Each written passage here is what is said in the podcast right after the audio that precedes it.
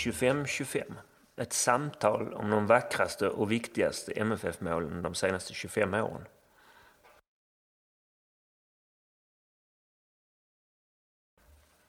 Mål 10. Afonso Alves 4-3 hemma mot Hammarby 2004.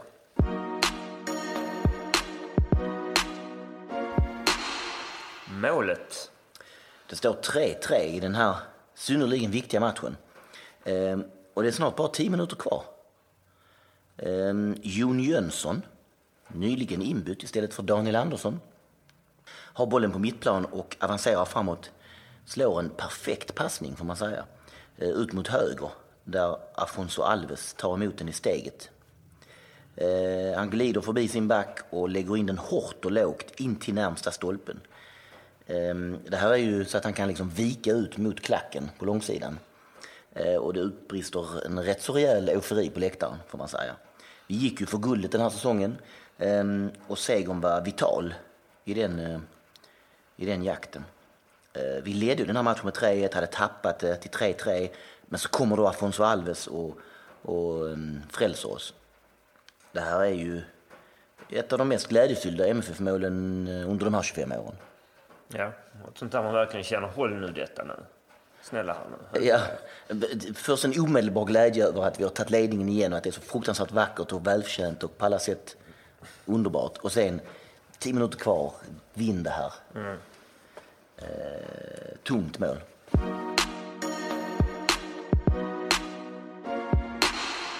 Tabelläget. Dags för Henrik att förklara matchens betydelse och var någonstans vi befann oss i den allsvenska tabellen.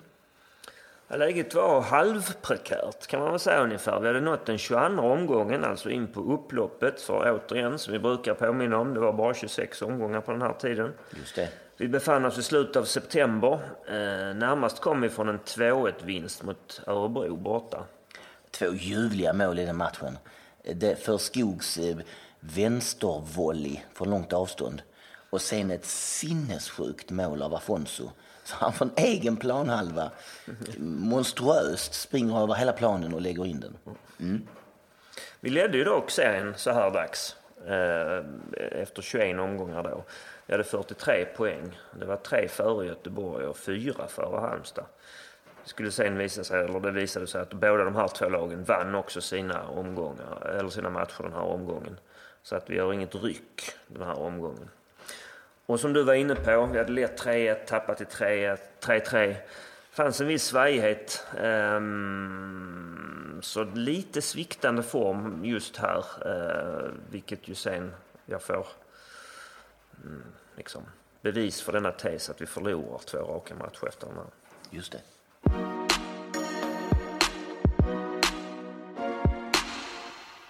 Matchen det börjar med att Hammarby tar ledningen. Harris Leitenen gör 1-0 tidigt för ett inspel från kanten. Afonso kvitterar nästan direkt. Sen blir Afonso kullknuffad av Östlund efter att Hammarbys målvakt varit ute och turnerat lite grann. Niklas Skog eh, gör 2-1 på straff. Har det gått en halvtimme ungefär och precis innan paus gör Yngvesson 3-1. På nick va? Mm, det vill jag också minnas ja. att det är en nick. Sen börjar det ju illa i andra halvlek. Eh, Peter Abelsson kanar in med ett inspel i egen bur i 53 minuten.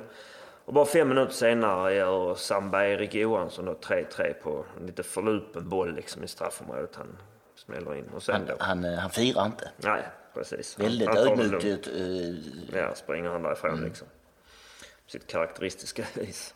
Eh, och sen så kommer det här målet i 79 och apropå Afonso då skriver Koffe, alltså Kristoffer Overton på Himmelriket så här, och jag citerar.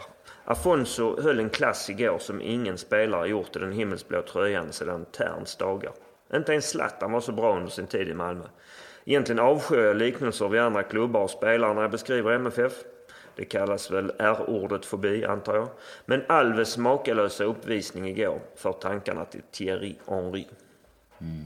Jag minns ju jätteväl eh, Bayerns tränare vid den här tiden, då, Anders Linderoth, som var efteråt på intervjun var upprörd. Eh, så pass eh, upprörd att underläppen liksom darrade. I, i, i, I ren ilska över att Malmö FF skulle få lov att ha med en sån spelare som Afonso Alves. Eftersom han ju så uppenbart var bättre än alla andra på plan.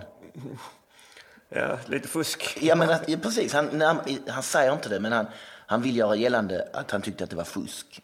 Att Afonso Alves fick vara med. lite som när man spelar pingis i lågstadiet och någon kunde skruva. Ja, ja. Eller om man delar upp eh, i, i, i fotboll och så är det bevisligen någon som har spelat väldigt högt upp. Då är det inget kul. Nej. Um, an, annars är det här en konstig match ju. Ehm, jag, jag minns att Afonso skapar massor av chanser. För, för det första, där 1 målet han gör är ju vansinnigt vackert. Han viker bort från Schlebrygge och lägger in den. Ehm, och sen när de hämtar upp till 3-3 där, då gör Pralet för honom ett rätt så oväntat och tungt byte. Han tar ut Abelsson, som är den som har gjort självmålet i 3-2 3-2 och tappat bevakningen på 3-3. Och så sätter han in unge, oprövade, kommer ni ihåg honom? Johan Nilsson Guimar. Mm Ehm, eh, och det blir ju bra. Men det kändes inte så pralskt. Mittbacken slarvar ut med honom. Nej. Eh, men men eh, en konstig och märklig match som man såklart, eftersom Afonso gör det här målet i efterhand, minns med stor glädje.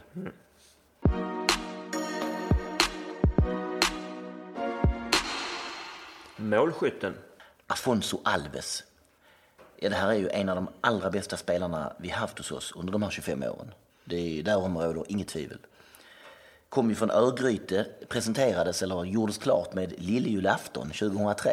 Jag minns att alla MFF satt upp och väntade på att Hasse Borg skulle presentera. En julklapp till MFF-supportrar. Precis. Ehm, så det kan vi ju rekommendera till Daniel Andersson framöver. Att lilljulafton är ett riktigt trevligt eh, datum att presentera. Ehm, och jag minns ju de första träningarna med honom inne i kombihallen. Det måste varit januari 2004. Man var helt förbluffad över hans förmåga och teknik och sätt att behandla bollen. Och jag minns att Paul också stod och, och sa någonting som, som, som att eh, ja, nu är det annan nivå här. Som att alla andra måste höja sig. Um, Han var ju hos oss fram till sommaren 2006 eh, när han lämnar för Heerenveen. För en rätt så rejäl summa där, där och då. Ja, det är väl fortfarande sådär runt topp 10 i alla fall. Ja. Det var ju runt 40, 40 miljoner, ja. Mm. Ehm, gjorde 55 allsvenska matcher, 29 mål. Ett bra facit. Eh, Afonso Alves är född i Brasilien, Belo Horizonte. 36 år idag, så han är inte lastgammal. Spelade fotboll i Atletico Mineiro där Örgryte då hittade honom. Eh, gjorde två säsonger i ÖIS innan vi tog honom. Och när han sen hade gått till Holland så var han där bara en och en halv säsong. Lite så strejkade sista säsongen för att han Ja, ville det var väck. Att han inte var, trots alla de här målen där som han gjorde så var han väl inte sådär jättepopulär bland fansen. Nej, och sen ville han iväg själv också tror jag. Ehm, Men alltså han gjorde 45 mål på 39 Eredivisie-matcher för, för Heerenveen. Alltså 45 mål på 39 matcher är ganska bra. Det är en match man vinner med 9-0 när han gör 7. det är ganska anmärkningsvärt. Efter det blev det Middlesbrough och där gick det lite sämre. Han gjorde ganska mycket mål, men det laget åkte ur. Och det vet jag Middlesbrough-fansen. Och Middlesbrough var ett större lag då än man är idag. Och där var man väldigt sura på ett par olika spelare, speciellt de här två, tre stjärnorna som var inköpta för året. Då också alltså eh, Afonso. Jag vet att han som, nu tappar jag namnet på dem, han som har skrivit The Far Corner, den eh, fotbollsboken som handlar om fotboll i norra England. Han håller på Middlesbrough. Och han- Förklarar det i förordet att varför håller du på Middlesbrough? Då svarar han because I'm a glory seeker. Middlesbrough har inte vunnit mycket. Nej. Ehm, därefter väntar för Afonso Alves fem år i Qatar i två, tre olika lag. Där det väl går ganska bra, gör mycket mål. Jag vet att han fick en massa pengar av shejkerna där nere. Eh, så han klarar sig bra idag. Ehm, hans största ögonblick misstänker jag, ja, förutom all tid i Malmö FF och alla underbara mål hos oss. Det är ju hans största. Ja, precis. Men efter det, hans näst största ögonblick, förlåt, det är ju eh, när han togs ut i Brasiliens landslag, maj 2007. Det vet jag väldigt väl, för att på brasilianska fotbollsförbundets sida så uppmärksammar man det här då att Afonso Alves är debutant i, i truppen, landslagstruppen, och då har man en bild på honom, inte i Heerenveens tröja där han då spelar, eh, eller om han har hunnit gå till um, Middlesbrough, det kommer jag inte ihåg. Nej, det kan han inte ha hunnit gjort. Han är fortfarande i Heerenveen. Utan man har honom i MFF-tröja. Jag vet att en av tvillingarna Soler tog direkt en screen cap så att man för evigt skulle ha kvar detta ögonblicket i, i, i MFF-historien. Det kändes eh, stort. Det kan ju inte finnas någon annan brasse som har varit i Sverige som har lirat det brasilianska, riktiga brasilianska landslaget? Omöjligt. Nej, det tror jag inte jag Nej. Ehm, han gjorde åtta landskamper, ett mål och är alltså med i den truppen som vinner Copa America 2008. Spelar flera av de matcherna. Jag tror till och med så att han startar finalen. Och jag tror, nu har det ingenting att göra med det du säger, men jag tror att han som skriver den här boken för Akon heter Harry Pearson. Kommer jag på honom när jag sitter samtidigt och tänker på helt andra saker när du pratar. Så där. Och när Afonso debuterar i brasilianska landslaget så byts han in i en match. Du vet också ämne. Vem, vem byter han av? Det är rätt häftigt. Kaká. Just det. Mm. Eh, Afonso Alves.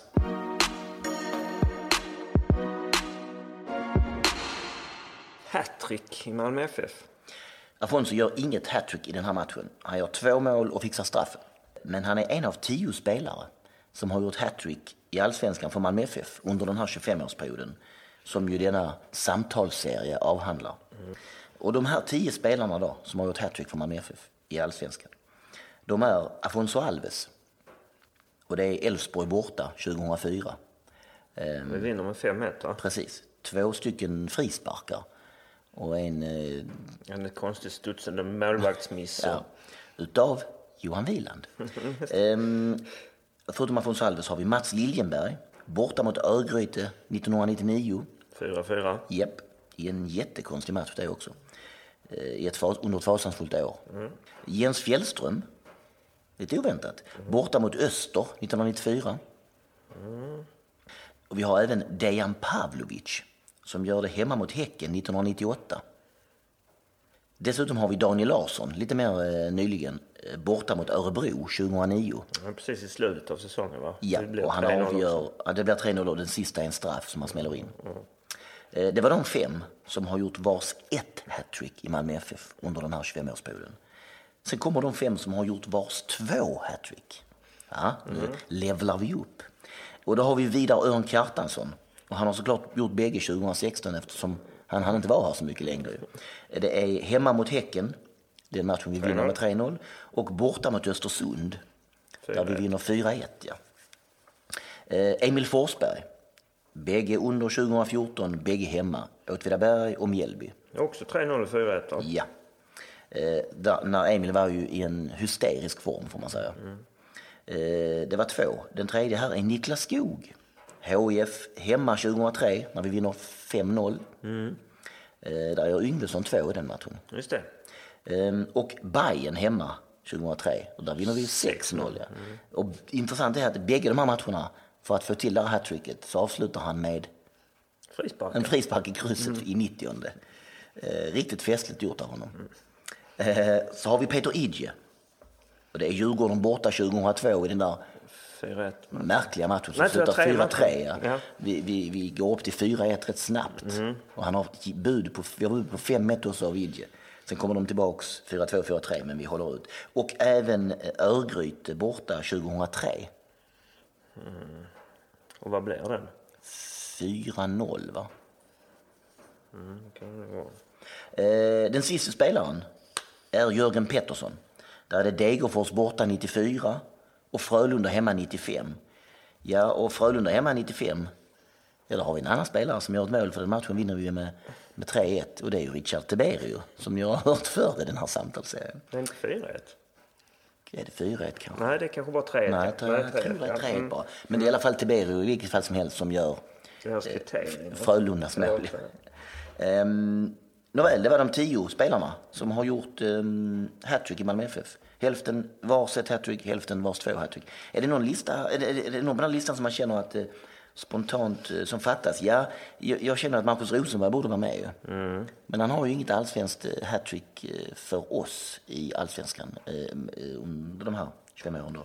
Ja, två mål har han gjort. Ja, ett par gånger ja. Och det är möjligt att han kan ehm, Det är ju inte för sent än. Nej, det är det inte, eftersom han nu har skrivit på för ett år till. Ehm, och det ska också sägas att när det här talas in så återstår det två allsvenska matcher 2017. Då vi hoppas få med en elfte spelare på den listan.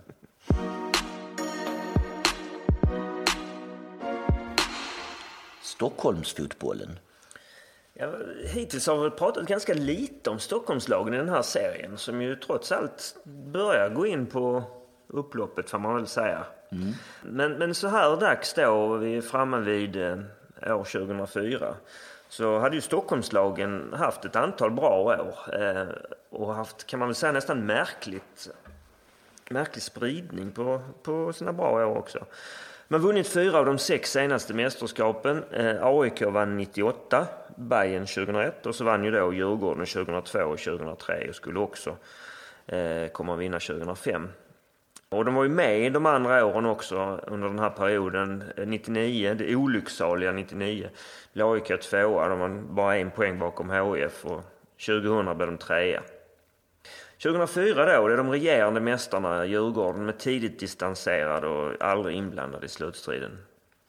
De är ganska långt ner faktiskt, en bit in på sen, men de tar sig samman mot slutet och slutar fyra, men de är ändå 11 poäng efter oss. De är ju långt efter. Hammarby blir, blir sexa. Det är väl kanske inte så tokigt för dem. Eh, och AIK, ja, det går illa för AIK hela året. Eh, och efter näst sista omgången står det klart att de åker ur. Då förlorar de hemma mot ÖIS 3-0 och det är inför tomma läktare också. Ja, för, minns man jätteväl, man såg på det är tv. verkligen elände och misär för, för en, en i Sverige stor klubb får man ju säga. Eh, orsaken till de tomma läktarna det är att i omgången innan eh, i derbyt mot Hammarby har varit oroligheter på läktarplats. Eh, Hammarby tar ledningen. Målvaktsmisstag av Håkan Svensson. Han fumlar och den går ut till Mikkel Jensen som slår in den. Och då försöker fansen storma planen och, man man är ju inte så långt ifrån att komma in liksom. Det är den berömda gallerskaksmatchen Ja, i. AIK-kretsar. Och polisen behöver använda vattenkanoner och Christer Nordin han får en mikrofon och frågar att lugna fansen. Det finns ett klipp på Youtube där han säger, låter verkligen ledsen och upprörd liksom. Att ni kan inte hålla på så här. Ni måste respektera oss som spelare också. Eh, och det är ju anmärkningsvärt att de åker ut för det finns ju en del rutinerade och rätt så etablerade namn i truppen som Per Nilsson, mittbacken som sen var proffs i Tyskland. Christer Nordin då, Daniel Tjärnström, Martin Åslund, Derek Boateng, som spelar VM. Eh, en ung Ishizaki och så Jimmy Tavandi var där också då. Men det var väl rörigt på tränarfronten, eller hur? Var det inte så? Richard Money var tränare när säsongen startade. Richard Money. Han avgick efter bara tre, tre runder in. Eh, Han avgick efter tre omgångar. Mm, in 2004. Och då kommer jag ihåg att han satt i tv och liksom förklarade de här I wanna play 442. The board says play 433. I wanna play 442. Så det var det som var eh, förklaringen, eller den officiella förklaringen. Det låg väl mer bakom naturligtvis. Eh, Patrik Englund kom in tillsammans med Debosa Novakovic för övrigt. Men det var hot mot vdn Sanny Åslund som fick bo på hotell ett tag för att han eh, kunde inte bo hemma. Eh, och han avgick också efter de åkte ut. Men precis som vi så gick de upp direkt och det med. Rickard Norling som tränare, va? Mm. Och i Rickard Norling, ja, just det. Mm. Och i övrigt om Stockholmslagen så eh, för Hammarby som ju var ganska bra här. De åkte så småningom år 2009 och fick ju stanna nere ett, par, ett antal år kan man säga. Till sist upp igen 2015. Då då ska man säga att de här åren vi pratar om här nu, säg från AIK 98 ja, fram till Djurgården 2005. Det här är ju Stockholmsfotbollens starkaste år överhuvudtaget i allsvenskans historia. Ja, Det var också som vi säger här att när de inte vann så var många av dem med rätt högt uppe. Hammarby var ju topplag eh, även åren de inte vann runt, runt 00-talet. Eh, eh, Det var ju någon säsong när de blev etta, tvåa, trea. Eller låg etta, tvåa, trea i alla fall Ja, det är ganska väl länge. Hammarby vinner så är de väl etta, tvåa, trea 2001. Ja, och det, det här har ju aldrig hänt tidigare och har inte hänt senare heller. Nej, nu är det 09 AIK vann sist så det är ju... Ja. Men det var ju, det åkte ju Bayern ur och Mm. eh, det var de andra, Djurgården var väl närmast ett kvallag så det, det är ju inte så, så att eh, alla tre har varit uppe. Och det får man säga att till deras, eh, ska vi säga, fördel eller någonting, det var viktigt där och då att alla de tre Stockholmslagen var med för att det drog igång liksom loket i det som var allsvenska uppsvinget för, för supportrarna och för, för eh, publiken.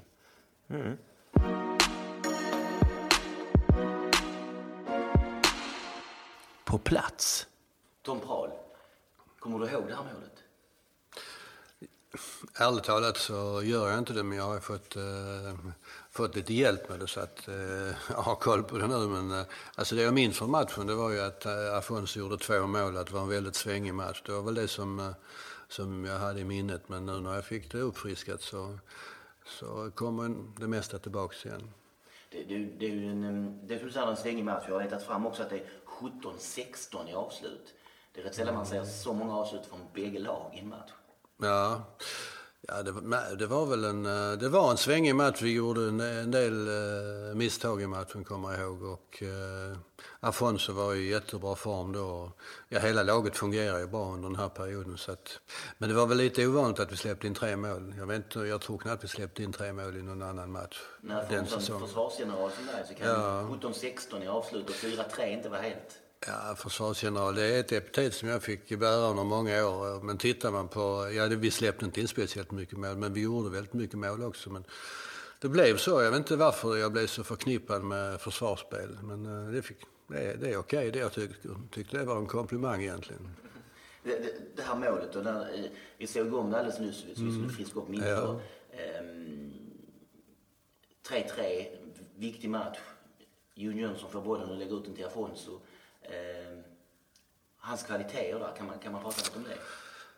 Man kan prata mycket om Afonsos kvaliteter, hans eh, teknik att kunna behandla boll i, i hög fart. Eh, hans känsla att placera bollen. Eh, han växte ju eh, under den tiden eh, jättemycket. Vi hade, jag hade lite svårt att placera honom egentligen, för han kommer från ÖIS. Hasse han meddelade lilljulafton att det skulle komma en riktig present. Och, eh, och så berättade han att det var från Alves. Då insåg jag att det här var någonting speciellt att få tag i en sån spelare. För han har gjort mycket mål i Örgryte också. Men jag minns vi började väl med honom som någon slags eh, forward, eller som någon slags kantspelare. För vi hade ju Igor och eh, Skog som egentligen som eh, mer traditionella forwards. Så vi ville ha plats till allihopa. Men ah, han kom inte riktigt till sin rätt eh, ute på en kant. Och sen så spelade vi 3-5-2 och då fick han... Eh, då, då hamnade han eh, lite som nummer 10. Vi provade lite olika positioner, men inte heller det. Men det var egentligen först när han blev en, en renodlad forward eh, på hösten då när vi fick lite ordning på grejerna som han blommade, blommade upp riktigt. Och, utan Afonso hade vi nog inte, hade vi, hade vi inte, absolut inte tagit det här guldet och gjort den fina upphämtningen som vi gjorde. För vi, vi var ju många poäng efter Halmstad om jag inte minns fel när, när serien vände på sommaren. Men Afonso då, var han liksom som person i, i laget? Man har gärna den bilden att en brasilianare som gör mycket mål är teknisk, lite sådär bohem och har sitt eget huvud och sina egna tankar. Ja, alltså det det är klart brasilianer och afrikaner de har ett annat eh, kynne. Eh, I stort sett, om man nu får generalisera lite grann. Men Afonso var, en, eh, han var väldigt lättsam eh, och, och glad och öppen person och var absolut inga problem att ha med att göra. Varken på träning, han, han gjorde vad han skulle. Varken mer eller mindre. Det var inte så att han sprang livet av sig på träningarna och matcherna. Men han gjorde vad man, vad man hoppades och han eh, han, ja, han lärde sig svenska. Han hade ju lärt sig svenska under, under Örgrytetiden och kunde kommunicera bra med kompisen. Så han var, han var omtyckt i, eh, i omklädnadsrummet och av oss ledare för, för, att vara en bra person. Och, ja, sen fick han ju en, en otrolig karriär efter, efter Malmötiden. Jag, jag kommer ihåg de här allra första januariträningarna 2004 då när han hade anlänt och, och ja, in i kombihallen med, med hela laget och så vidare. Och då minns jag att, att du pratade om det som om att här var det en, eh, liksom en, en höjning på något vis. När Afonso satte fart där och svischade förbi någon. Ja. Så var det som att du var rätt så nöjd över att... att här... Ja, det är härligt att, få, att du, ni minns, för jag börjar bli en gammal man så jag minns ju inte allting det här. Jag minns ju knappt kombihallen men, eh, men det säkert, har du säkert rätt, han var ju en kvalitetsspelare. Det var han. Och, ehm, och eh, ja, teknik, teknisk snabb och många, ja han var duktig. Va, va, mm, den här matchen då alltså, det är ju eh, mot slutet av, av säsongen. Mm. En typisk höstmatch då. Vi har haft en, en väldigt tuff vecka där i och för sig alla lag i Allsvenskan skulle spela tre matcher på sju dagar. Eh, och vi benämnde den, minns jag då, i, i supporterkretsar som niopoängsveckan. Eh, Eh, och vi tar ju faktiskt nio poäng den här veckan också. Mm. Där den här matchen är kulmen. Det är Djurgården hemma 2-0, Örebro borta 2-1. Ehm, och så Bayern hemma 4-3 då. Afonso är högst delaktig, gör mål i två av matcherna. Tre mål sammanlagt spelar fram till ett mål i den matchen. Så att han är väldigt involverad. Mm. Kommer du ihåg någonting från den här tiden? Nej, men jag kommer bara ihåg, eh, det jag minns det var ju liksom det som hände under sommaren när eh, vi fick ordning på grejerna. Ehm där Tobias han gick till Århus och, eh, och Igor han, han, han fick sluta. Och tyvärr så Patriks hälsena gick ju sönder. Det var väl mot... Eller är, det, är jag på fel år nu? Patrik var ju skadad. Ja, Patrik var skadad, ja. Sen kommer han tillbaka med 2005 också. Ja, ja men, nej, men alltså Patrik, Patrik eh, drog ju sönder hälsenan under, under sommaren. Eh, mot, mot, jag tror det var Halmstad hemma. Och då på något sätt så följer, vårt, eh, följer lite pusselbitarna på eh, rätt. Därför vi hade ju stångat pannan blodig med, med vårt eh, 3-5-2 system med Majstorovic och Olof och, och Patrik som innerbackar. Och kulmen på det här var ju när vi åkte ut mot eh, Kork i, i tipskuppen. Det var ju en, en näsa som inte var, eh, var tuff. Och sen, så, ja, det jag minns, för att svara på frågan, det var ju liksom att då, då kändes det som att det här eh, började bli ordning på grejerna och vi började vinna matcher. Och eh, det var en stor optimism och det kändes ju bara att det är klart vi var tvungna att vinna, vinna och vinna och vinna för att vi skulle komma ikapp. Och vi är inne i en bra period då här som du säger. Jag minns inte speciellt mycket varken av, av Djurgårdsmatchen eller, eh, eller Örebro-matchen. Men att vinna, jag vet ju att Örebro borta var alltid en, en svår nöt att knäcka på den tiden. Både under min tid i Halmstad här i Malmö så var det många segrar som vi eh, hade uppe i Örebro. Så det var, var ju garanterat en, en tung seger. Sen det här Hammarby-matchen eh, den, den ska man väl kanske vinna om man ska ta guld, men det blev ju det blev mer komplicerat än, än man hade tänkt sig kanske. Vi ska inflika här också att eh, Tom har helt rätt. I, i elfte minuten hemma mot Halmstad på sommaren så, så går Patrik ut för skada och sen är han inte med mer. Nej, nej. Och eh, kommer tillbaka lite 2005 sen. Precis, sen, men, men, då, men sen är det också ju så att någon match senare försvinner ju Majstorovic. Just det. det och då plockas Peter Abelsson in. Nu ramlar poletten ner. Det är ju därför... Eh, ja, men han har väl... Han har redan försvunnit väl? Han har ja. absolut. Ja. Ja. Därför att det, det var ju rörigt runt eh, Daniel också. Ja. Han var ju ganska självsvåldig så att det var ju egentligen eh, med föreningens goda minne, knappt med föreningens goda minne att han eh, fick ge sig iväg på det sätt som han gjorde.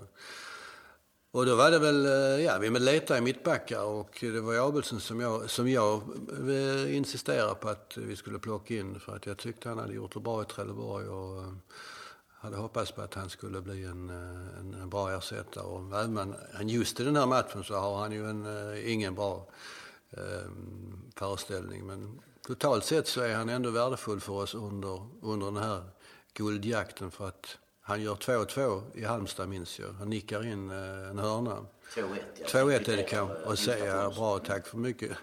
Och sen så gör han ett viktigt mål mot Göteborg också Precis. i näst och han skötte sig eh, helt okej. Okay. Så att det var... Eh, Eh, men det var så pass tidigt som Majstorovic han stack iväg. Mm. Så, och, och, och där då sista halvan av säsongen, där sätter du då den här backlinjen med Josef ja. och Jon Inge som ytterbackar, ja. Olof och Abelsson ja. som ersättare då som mittbackar. Ja. Jag hade ju eh, faktiskt när Patrik gick sönder då mot Halmstad så hade jag Höjland som, eh, jag tror jag hade Olof som högerback och, och, och eh, Höjland som höger mittfält för jag ville ha med alla de bra spelarna men det blev lite konstig balans. Så att eh, Eh, det var mycket som, eh, som blev bra sen. Och det var ett bra lag alltså. Det var ju konstigt balanserat. Och tittar man på den här truppen så var det en 15-16 riktigt bra spelare. Men det var ju bara centrala spelare. Det var mittbackar och centrala mittfältare. Det var hela laget. Vi hade inga kantspelare. Och det blev ju... Uh, ja, och så, uh, så hade vi då uh, Skog som en naturlig forward. Men men i och med att Igor, han, det blev som det blev med Igor så, så var det ju Afonso som fick ta klivet upp. Och så, och så Mackan i Halmstad som, eh, som hade sen eh, show och galaföreställning där uppe. Det är två saker egentligen där jag tänkte fråga om. Just det här med Igor. Att, eh, hamnade det på dig att hantera så att säga? Det fick man lite intrycket av att, att, det, var, eh, att det var eh, du som fick ta det liksom. Mm, jo, det, det blev rätt mycket sånt. Så att det var... ehm, Det måste vara tufft ju. Ja, alltså det var ju en situation som inte man alls var van vid, som man aldrig hade varit med om. Och som var väldigt ovanlig. Och eh, nej, med klubbledningen tyckte jag nog att där borde vi ju kunna fixa det. Vi borde kunna prata honom till rätta. Men det var ju inte så enkelt så att det gick att prata till rätta utan det var ju mer djupare problem. Och vi försökte ju och försökte rätt, rätt mycket och rätt länge men eh, ja, det var synd, det var, det var synd om honom.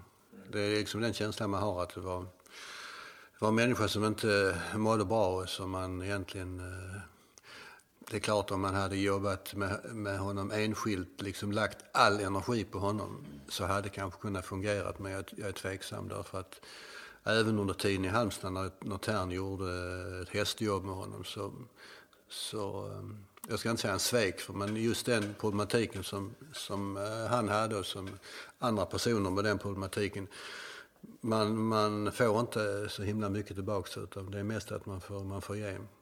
Det ska sägas också att i självbiografin som han skrev som kom ut så talar han ju väldigt väl om dig och lägger liksom ingen skuld på dig. Okej, nej det har jag inte alls. eh, Alltså det finns en självbiografi om På polska då, men eh, någon, Offside hade ett utdrag av Precis, ja. Okej. och då pratar han om det, om att han gör mål i, han gör mål i hemmapremiären. Ja, mot 24. Örebro ja. Och, och det är fortfarande gott att säga om dig i alla fall.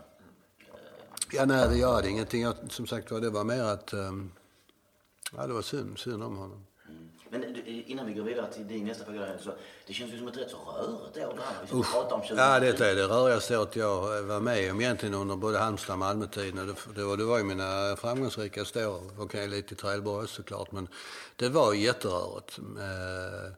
Dels att vi skulle spela 3-5-2, men vi kom inte igång med detta förrän in i mars. För det var första gången som Patrik egentligen stod på benen riktigt där. Och, och sen en enorm förväntning och, och hås och som började jättebra eh, med 10 poäng efter fyra matcher tror jag. Men inte, inte utan att spela bra. Och sen liksom en lång period på våren där vi gick i stå. Vi släppte inte in mål men vi vann liksom inte några matcher. Och Halmstad bara vann och vann. Och problematiken med, med Igor och, och med Gran som hade på sitt sätt att han skulle spela på ett speciellt sätt och, och på en viss position. Så att, ja, och så just det här att vi hade ett, ett lag som var konstigt balanserat som jag beskrev. Alltså inga kantspelare men mängder med centrala spelare och i mittbackar.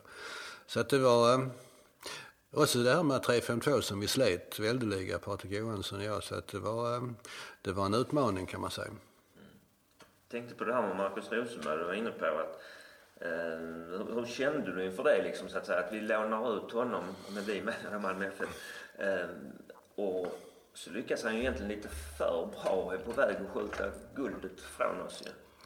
Ja, ja nej, det, vi hade en hel del diskussioner minns jag om vi skulle låna ut honom. Men vi trodde väl att den besättningen, alltså det bytet som vi gjorde med Igor och med, med Mackan skulle falla ut väl till vår fördel. För Mackan hade ju varit duktig under 2002 och 2003 men han var ju fortfarande en ung spelare som inte hade slagit igenom och som året innan hade svårt att ta plats där vi hade IJ och, och Skog både 2002 och 2003. De, de, gjorde ju, de gjorde ju nästan alla mål för oss. Det var svårt att, att hitta en plats för Marcus. Och Janne vet ju, han, han var ju eh, han var eld och lågor på Marcus. Och han, Mackan spelade en träningsmatch mot Halmstad tidigt 2002 och då fick han upp ögonen för honom. Och,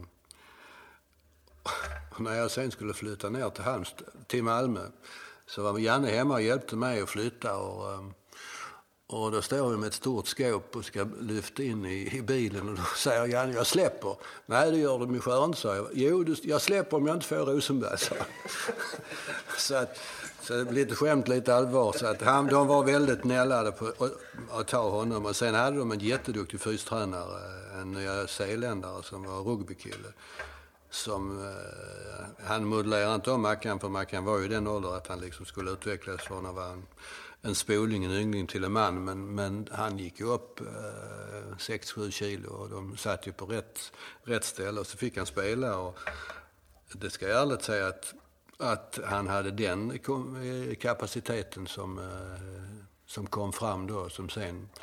Det, det var inte så himla lätt att säga egentligen på den tiden. Han, jag tror han i ungdomsåren spelade han back. Och sen, och sen blev han forward av någon, av någon anledning. Så att, sen var det ju, eh, när, han kom till, när han, man såg honom i Halmstad, när han sen kom tillbaka under de få månaderna 2005 så, så insåg man att det här var en, en jättebra spelare. Och Janne i den här historien är då alltså nuvarande svenska förbundskapten Janne Andersson misstänker jag. Som håller på att släppa skåpet om han inte får Ja, ja, ja, vi har jobbat ihop mycket Janne. Alltså det, var, det, var, det var intressant. Går det att liksom, ehm, om, om, om, man då för den här historien hela vägen fram i nutid och ser på den status Marcus Rosenberg har idag i Malmö FF? Går det att föreställa sig liksom? Eh, nej, men alltså 2002, jag vet hur- vilket år är Mackan född? 82. 80, då är Mackan 20 år alltså. Och kommer in, jag tror han kommer in i, i, eh, i min första match mot Djurgården och gör några minuter och han spelar lite under de här åren. Men, eh, men han var ju fortfarande rätt så valpig spelare. Så att eh, jag kunde inte säga att det skulle bli den, eh, den guldklimpen som det blev. Han var en, eh, en late bloomer kan man säga. Han var liksom inte någon eh, stjärna i ungdomsserien. Han var aldrig väl var inte med i distriktslaget och så vidare heller. Var han det? Så. inte. Nej. Nej, det kan jag inte vara. Men han var ju ändå en, en spelare som inte var tidigt framme så att säga. Utan som eh, kom fram och att han är en ikon idag och en, en stor, eh, stor figur i Malmö, det, det har ju blivit logiskt. Men då var det svårt att se det. Ja. Får får vi ta lite grann om, om, om, om din tid i Malmö och börja där det, där det eh, från starten då, då är det väl att Bengt- Madsen ringer dig i, i telefon och frågar om du... Han ringer och pratar tyska, ja. Av någon anledning. Så, um, ja. och pratar tyska? Ja, ja, han, han, han säger några tyska fraser. Han visste väl att jag hade haft någon utbildning i Tyskland en gång i tiden. Ja, i alla fall vi bestämde vi skulle möta. Vi träffades uppe på Bjärehalvön eh, nere i en, eh, en stuga där. Det var väldigt hemligt. Hasse och, och Bengt var med. Och det var väldigt viktigt. Vi skulle ha neddragna gardiner. Ingenting fick sippra, ljus fick sippra in. Så vi satt där och ugglade. Och jag hade ju varit i Halmstad i sex år och insåg liksom att tiden höll på att, rinna ut. Eh, så att jag var intresserad och insåg också att de här eh, Zlatan-pengarna som fanns i Malmö var till min fördel därför att Malmö var ju en slumrande jätte. Det varit nere i superettan och, och vänt och, och fått eh, gått igenom ett stålbad. Och, så att det var ju en, en spännande uppgift. Så att det var rätt så lätt. Eh, det, det tog inte så himla lång tid så jag vet inte när, när jag passade. Han, han kör ju bil som en fantom så han flög upp till Halmstad och jag skrev på papperna där någon gång i augusti kanske. Just det. Ja, jag tror det var det. För, för det är också intressant som du säger. Vi har varit nere i Superettan och vänt ett 90-tal utan slumrande jätte. Ett 90-tal utan titlar. Så nu pratar vi ju väldigt ofta och det pratas ofta om det här med vinnarkulturen som sitter i väggarna. Så hur, hur var det att komma dit? Ja, det, ja alltså vinnarkulturen den, den tyckte jag var, blev, den fanns absolut inte i, i, i den truppen som jag fick ta över. Och eh, det jag märkte av vinnarkulturen det var egentligen efter att vi hade blivit tvåa första året. Eh, det var ju bra och vi, vi skulle egentligen eh, kunna ha vunnit första året också men det var väl förlust hemma mot eh, Helsingborg som eh, var, var tung annars så hade var det frågan om inte vi hade, det hade kunnat gått hela vägen. Eh, Så då applåderade folk. Men sen nästa år så var det ju fiasko från alla håll och kanter för vi blev bara trea. Och då, det var väl då man märkte vinnarkultur, om man nu kan kalla det vinnarkultur. Men, men det fanns liksom ingenting i, i, eh, i, eh, i, i, i väggarna som jag kunde säga det var en vinnarkultur. Jag kom ju från Halmstad och hade haft, där tyckte jag nog det var mer uttalat just då. Där, med två, två guld ja. Och, men, ehm, men som sagt var, ja, man märkte ju att supporters och ledning och styrelse de var vana vid att, eh, eller hade liksom, det var ändå ganska länge sedan man hade vunnit någonting, man hade liksom ändå en föreställning att man skulle ta guld. Och, så det var ju kravbilden.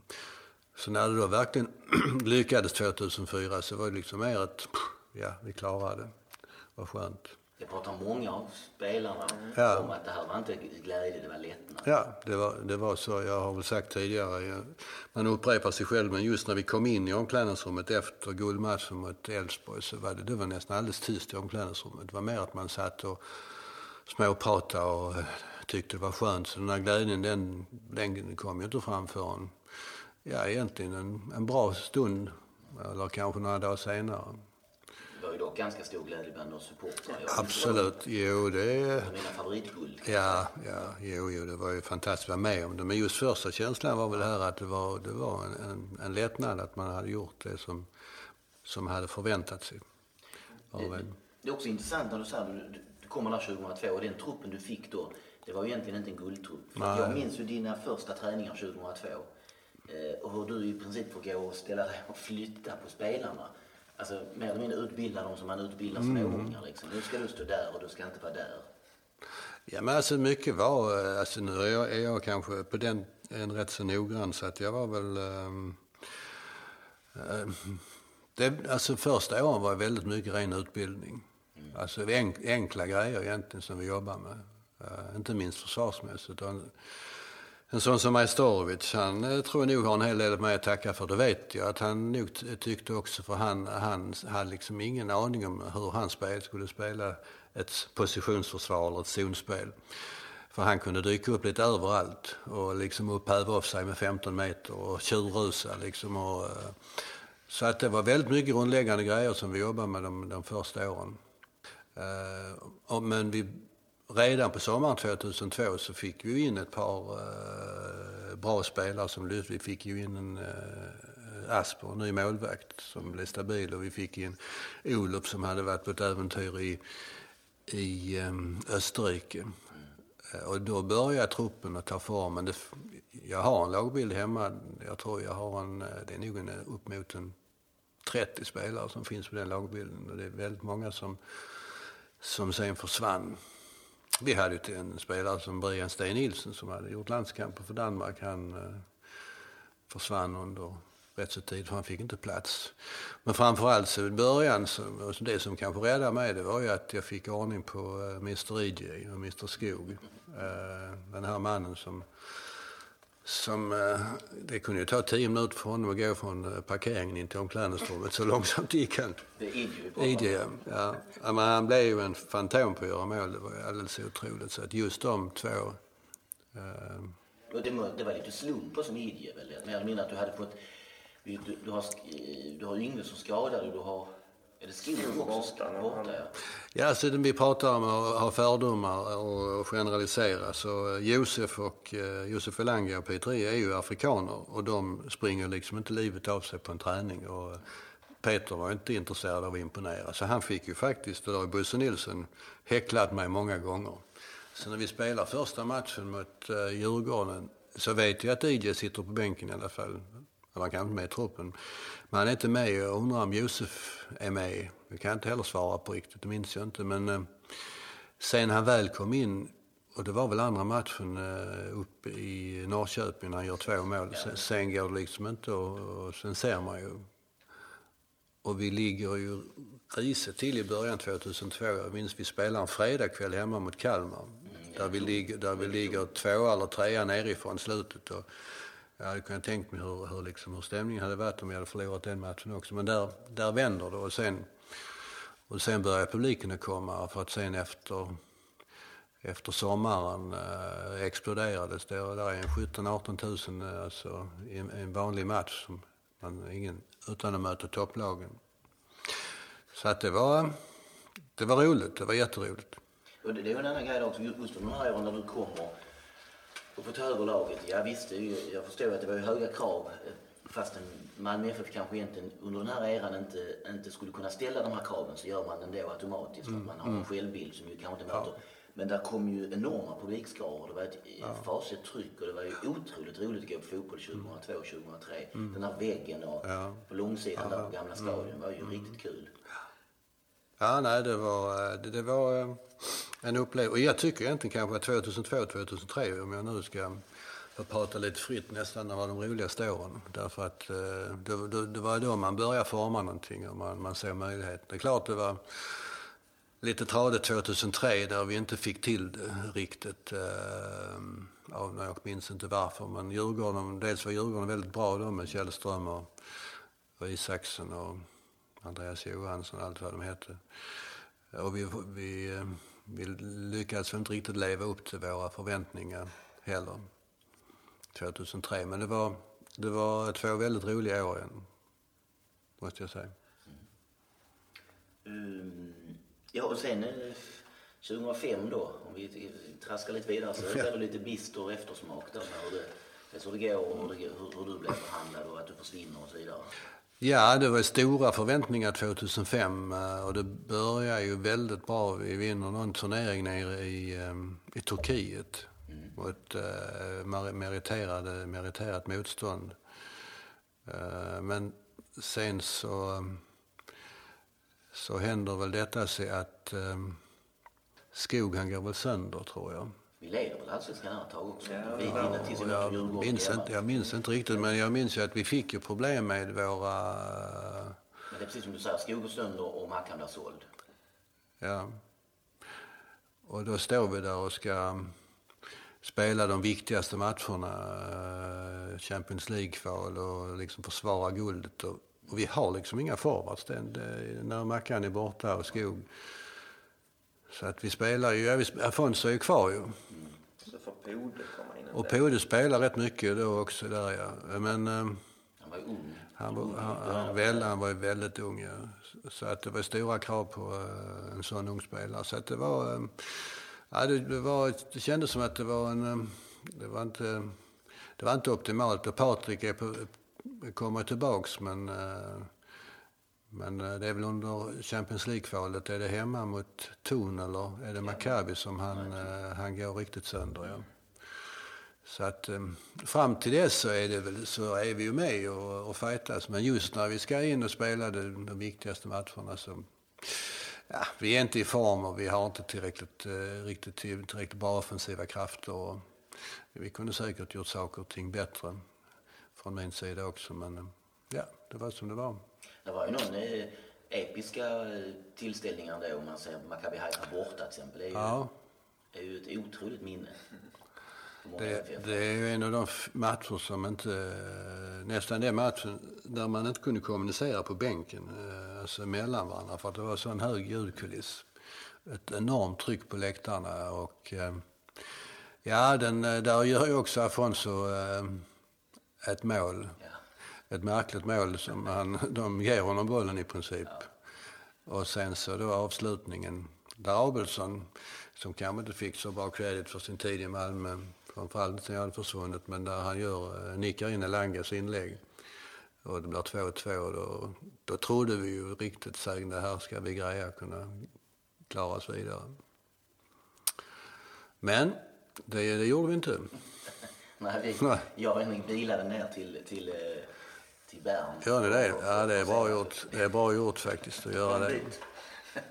och då var man ju säker på att vi kommer aldrig gå till Champions League, där över. Men eh, de såren har ju, får man ändå säga, har läkt lite grann. Det är ju med ja. de, de senaste åren. Ja. Nej. Nej. Nej, men alltså det Åge gjorde 2014 och 2015, det är ju värt allt beröm och respekt och framförallt Eh, sen har han lite tur också att det fungerar för normalt sett ska det kanske inte kunna gå att byta system så enkelt. Men när han kom ut med sin eh, fembackslinje mot Salzburg hemma. Eh, visserligen hade VM gått då och en hel del lag i, i VM hade ju, hade ju spelat med fembackslinje, minst Holland.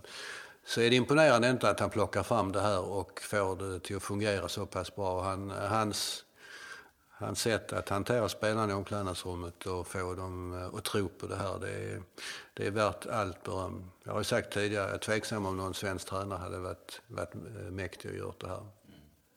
Va, va, efter Malmö då, så försvinner du till Norge, eller hur? Sen börjar en, en lite mörkare period. här med då, jag var tränare i, jag började 71 och nu skriver vi 2006, så jag var tränare i väldigt länge. Räkna ut själv, orkar knappt. Eh, 35 år. 35 år var tränare, ja. Men, och då haft eh, väldigt mycket framgångar i Halmstad och Malmö, vilket följd liksom att när jag nu ser tillbaka lite grann att man glömde det här att, eh, att gå vidare, att vidareutbilda sig, att uh, ut och titta på fotboll och ta intryck av andra klubbar i utlandet. Och sen så var jag inte riktigt heller förberedd på det norska spelsättet. Så att, ehm, och plus att jag kom till ett lag som hade tränats av Roy Hodgson och det är ju ett tungt arv att ta över bara det. Och ett lag som då hade tappat hela sin centrallinje med forwards och mittfältare och mittbackar var borta liksom. Så att, ehm, men ändå hade jag fått levt om mitt liv och, och få hamnat i Norge igen så skulle jag ju absolut ha kunnat tackla det lite bättre. Det hade varit ehm, som när jag började TFF sen jag kom tillbaka igen så jag tror jag hade klarat mycket bättre. Men vi förlorade massa matcher med uddamålet och när vi kom in i september månad så, eh, så låg vi på nedflyttning. Och de skötte det jättebra. Det var absolut ingen skugga över dem. För att, eh, då var, tyckte de att det var dags att byta tränare och det var inte mycket att kommentera egentligen. Det är lite äh, intressant parallell här nu om man tänker att Norling flyttade dit efter sin Malmötid ja. och, och misslyckades rätt så grovt får man mm. säga. Alltså, du sa, ja. nämnde att de har ett annat Ja, alltså, är det, att, liksom inställningen, mentaliteten? Ja, lite skillnad på mentalitet tycker jag nog, nog det var. För det här med att, eh, svensk, att det svenska sättet att bygga lag bygger ju rätt så mycket på att det finns en god laganda och ett gott kamratskap och man jobbar för varandra. Men, det, men mentaliteten där var mer alltså åt det kontinentala engelska hållet liksom. Att man var sig själv närmast och äh, inte eh, och sen tekniskt sett så var det ju rätt så stora eh, brister. Och sen var ju den norska spelstilen betydligt mera fysisk alltså. Det, det, var den. Så att du fick egentligen bara betalt för om du spelade väldigt tufft och hårt och, och rejält.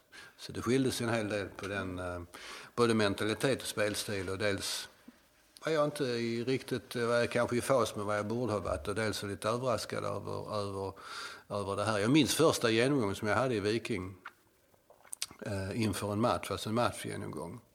Normalt sett så under alla de 35 åren tidigare så efter en matchgenomgång så har alltid spelarna sagt, jag kom igen nu, man klappar i händerna och nu kör vi. Det var dödstyst i omklädningsrummet. Inte en jäkel som sa ett ljud. så jag tänkte, vad, vad, vad händer här nu då? Och det, så att, eh, ja. Det var en, det var en Tyvärr, för att jag, vi, både jag och min fru vi trivdes ju jättebra i, i Norge. Jag skulle gärna bott kvar där i ett antal år. Uh, det måste vara ett av världens vackraste länder och uh, folket uh, är det absolut inget fel på. Det är en lite lugnare rytm var det i alla fall på den tiden. Det var söndagsstängt i affärer och folk slutade lite tidigare så att det var en behagligare rytm att leva uppe. Så det var synd att det inte blev längre. Men man kan få allting i livet. Och, så är fotbollen och speciellt fotbollslivet som ja, fotbollstränare. Jag ska absolut inte beklaga mig för de betalar bra. Det var första gången som jag fick hyfsat betalt så att det, var, det var helt okej. Okay.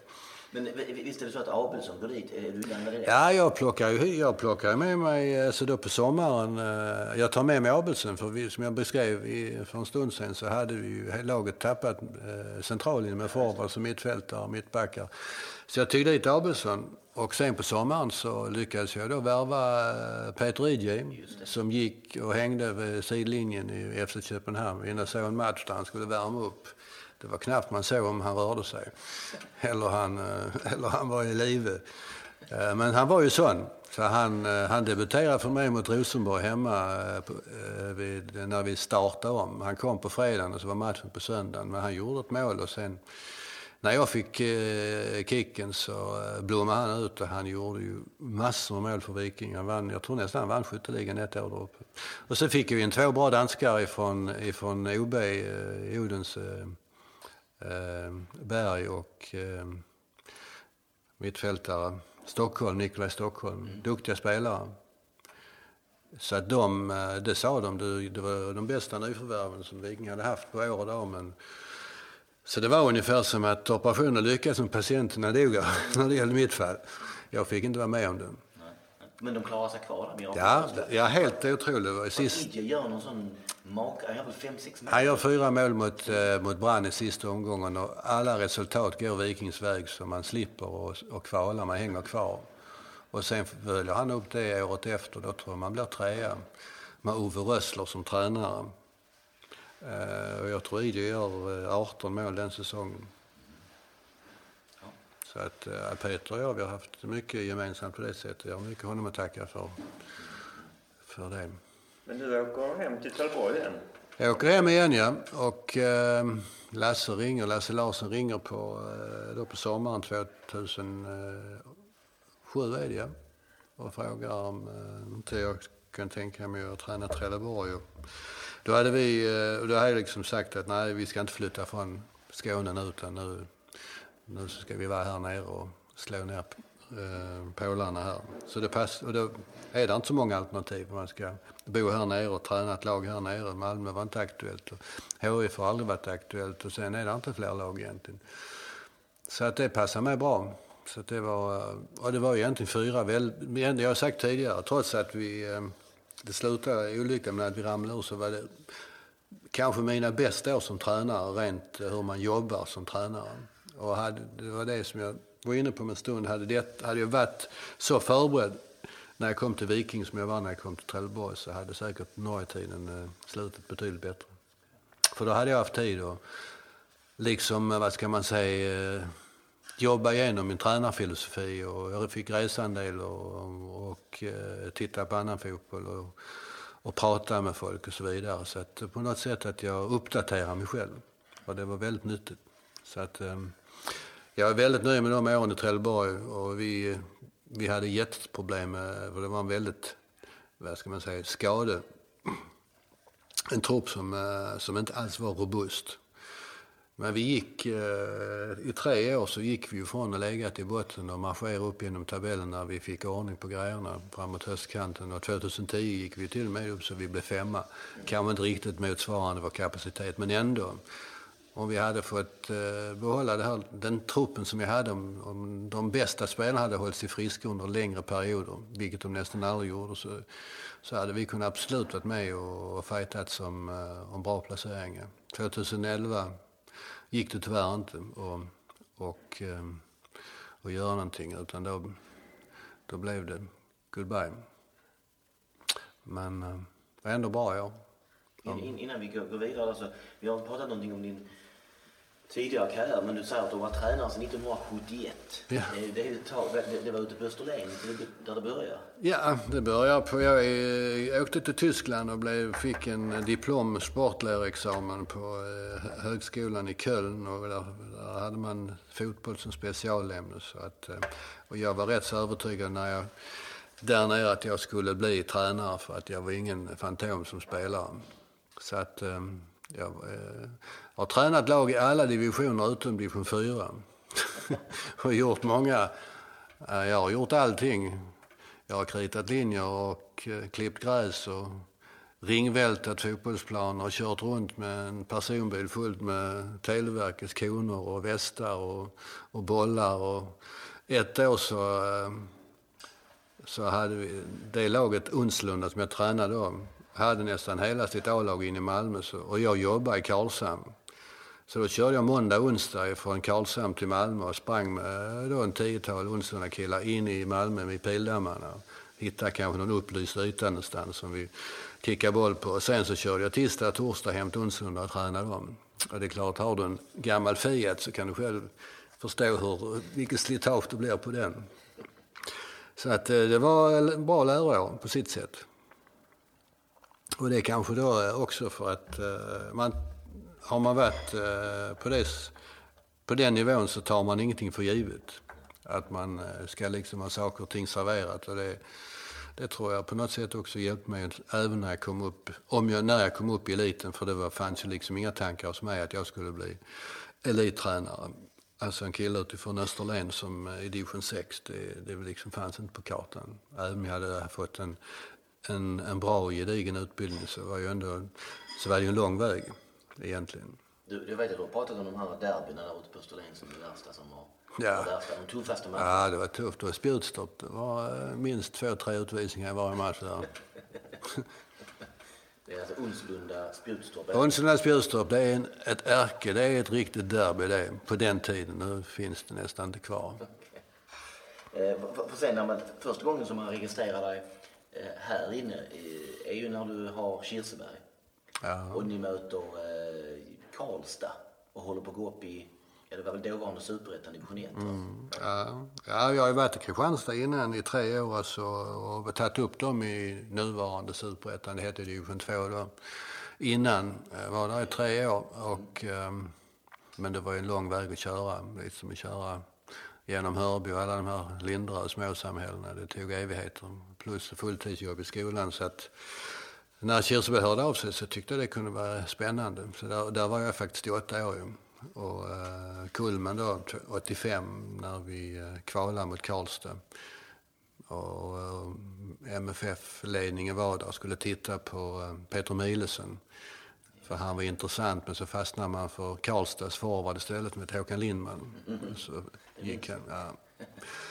Ehm, Ja, vi gick upp någon division för det blev en serieomläggning så vi var ju uppe i eh, division 2 med Kirseberg. Vi var Malmös näst bästa lag under den tiden. Så där.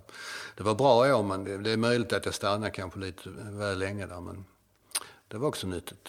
Det var, Backapågen var rejäla killar. Var det där när du Kristianstad, då körde du fram och tillbaka och så stannade du på samma ställe och käkade? Ja, du, ja Assars gatukök i Örby, de har jag, gick ju upp fem kilo under de här åren för det var, var mycket korv och pommes frites på vägen hem klockan tio på kvällen. Ja, det var, jag minns en vinter, äh, vinterträning. Det tog säkert fyra timmar att köra hem på äh, sommardäcken. Det var inte, det tog väldigt lång tid. Jag minns det här eftersom att äh, en gång i Jerusalem för, måste detta vara 12 år sedan, så, så um, frågade jag om du, du, du bodde i Malmö då, så om du hade käkat falafel. Och det hade du inte. Nej, jag har aldrig gjort det. Sen dess heller. För då gick jag in i, i köket och bad om två falafelbollar så gav jag dig en och så smakade det som falafel. Ja. Um, för det, det, det brukar jag säga när folk frågar vad är det bästa du har gjort. Ja, jag bjöd en gång Tom Prahl på hans första falafel. Jaha, det är den första. Det var första din, ja, ja, ja, jag kanske ätit falafel sen, men jag har inte handlat falafel på det sättet. Så. Men då berättade du om detta här att du, du, du hade käkat eh, korv på det mm. Assas gatukök, ja. Då gick ju vägen igenom Hörby så att när man då kört de här fem milen från Kristianstad så var man ju lagom hungrig för att gå in. En pucko, en tjock och pommes frites. Mm. Um, jaha, och, och, och sen blir det Trelleborg. Och där går det ju jättebra. Ja, jo, det var, jätte, det var sex kanoner. Vi tog till och med medalj, även om det var brons. Och Blackburn-äventyret det var ju fenomenalt. Det var, det var ju det roligaste jag varit med om, det mest oväntade och kanske det mest oväntade, ett av de mest oväntade utfallen i svensk fotboll om man, om man verkligen ser nyktert på det. För det är att slå ut Premier League-mästarna ur en internationell cup, det är ungefär som om ja, vad har vi för lag i, i botten på allsvenskan som ligger som klarar. Det är som Sundsvall eller, ehm, eller Jönköping skulle slå ut Chelsea eller eh, United. Så att det var ju det var en fenomenal prestation egentligen.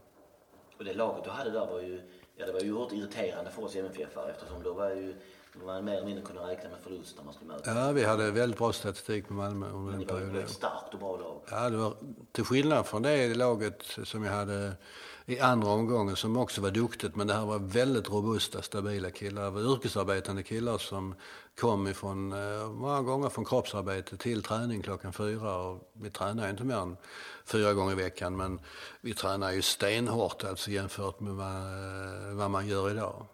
Och om det var det som gjorde vet jag inte. Men vi blev ett, eh, ett svårslaget lag. Och så fick vi fram fick fram väldigt bra forwards i Trelleborg med Liljenberg och Jocke Karlsson och Issa Manglind och Andreas Hermansson, spelare som jag åkte land och rike runt och scoutade. Mm.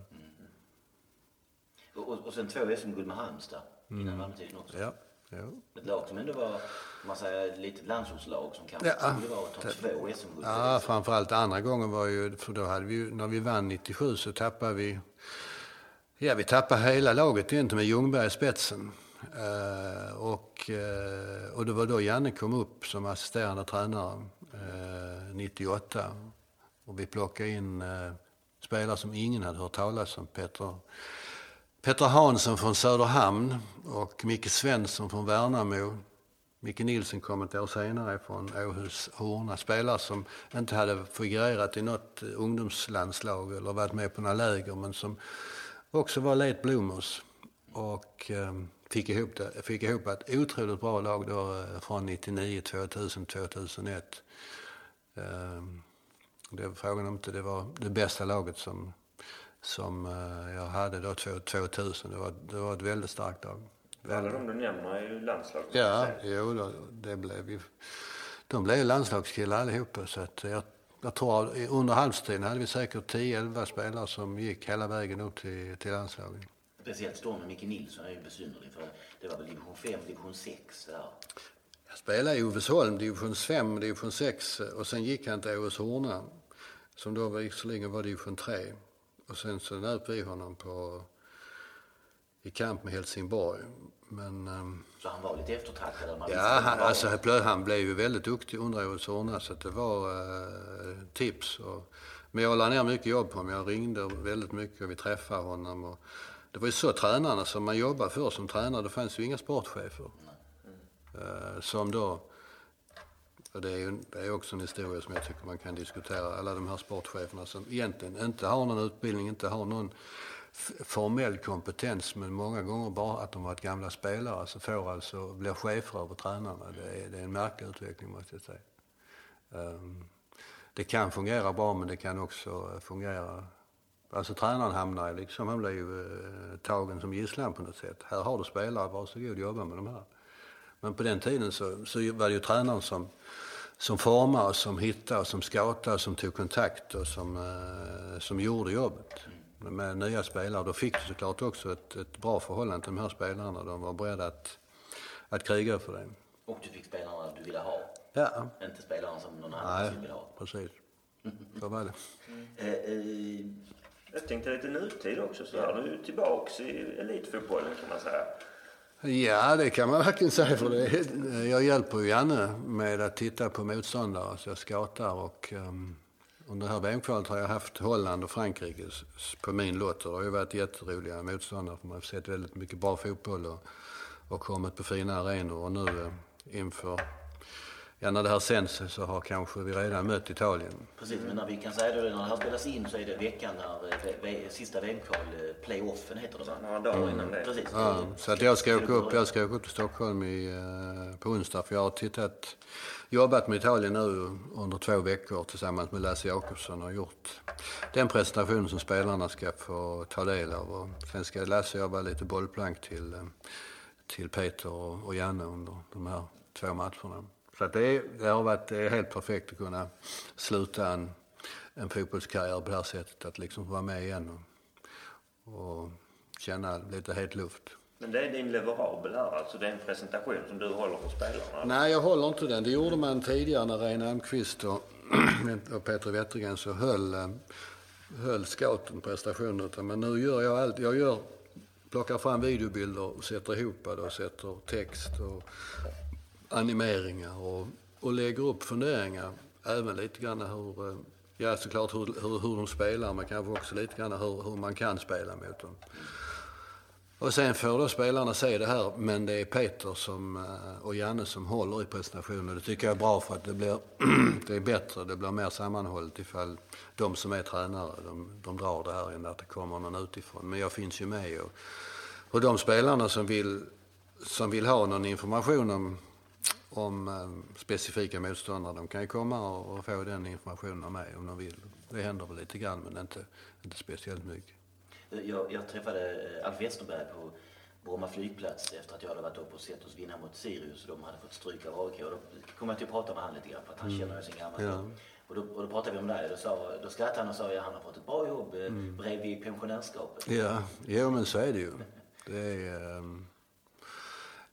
Alltså när man slutar som tränare så blir det ju, det blir ju rätt så ett, eh, det blir ett litet vakuum, lite tomt. Telefonen ringer inte och eh, man går där och skrotar. Så att, eh, att få ha ett sånt här arbete som inte betyder att man är i het luften, att man inte liksom är aktiv varje dag utan det är, det är rätt så begränsat.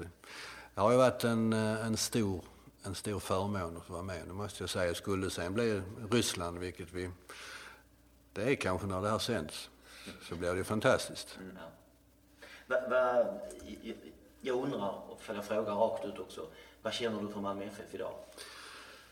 Så jag såg ju det igår, igår kväll, eh, presentationen med de 20 gulden och jag känner ju att jag har en, en samhörighet med Malmö FF, absolut. Att jag har varit, varit med om någonting som är eh, svensk, eh, det bästa som eh, kan finnas inom svensk fotboll, för det är Malmö FF. Och eh, jag har egentligen bara, bara bra minne från MFF-tiden och framförallt med eh, hur Alltså det stödet som man kände från läktarna, supporterna, det, det var... Ehm, det är ju ändå det, den, eh, den mäktigaste klubben som jag har tränat. Med all respekt för Halmstad, Trelleborg, Kirseberg så kommer de ju inte i närheten av, av Malmö FF.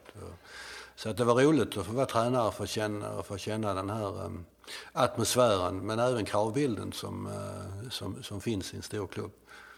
Och ehm, ja, jag är tacksam för att jag fick den chansen och möjligheten. Och, och ehm, har, har bara, bara, bara gott att säga om, om Malmö FF. Jag har absolut inga bad feelings gentemot dem.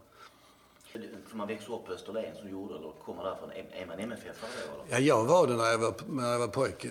Inte så jag begrep mycket bättre men, men jag minns vi, jag fick åka med någon, någon släkting hur det var. Så att eh, det kan väl varit början på 60-talet. Efter det hade varit VM här 58.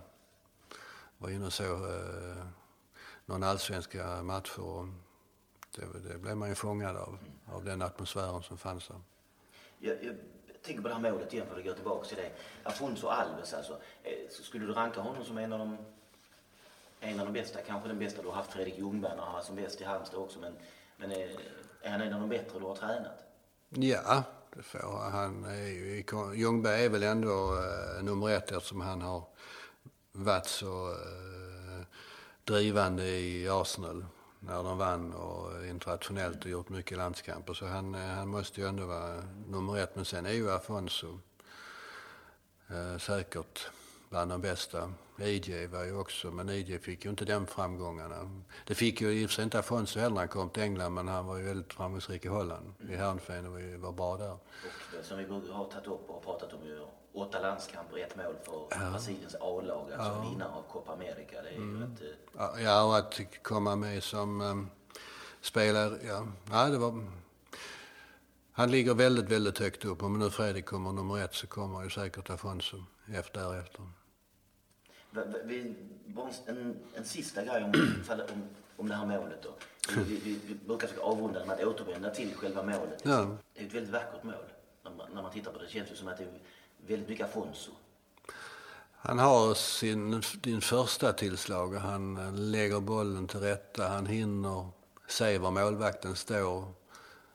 Normalt sett så lägger man kanske bollen i den långa hörnan för målvakten står i den korta hörnan men han hinner liksom uppfatta att det är en glipa mellan målvakten och, och första stolpen och smeker in den där. Och det var, han gjorde väl en del riktiga kanoner också för han var ju en duktig frisparksskytt Afonso. Men, men han hade ju framförallt en, en väldigt bra teknik eh, där han liksom var bra överblick. Så att, det var ett bra mål Afonso var det nu finns i världen.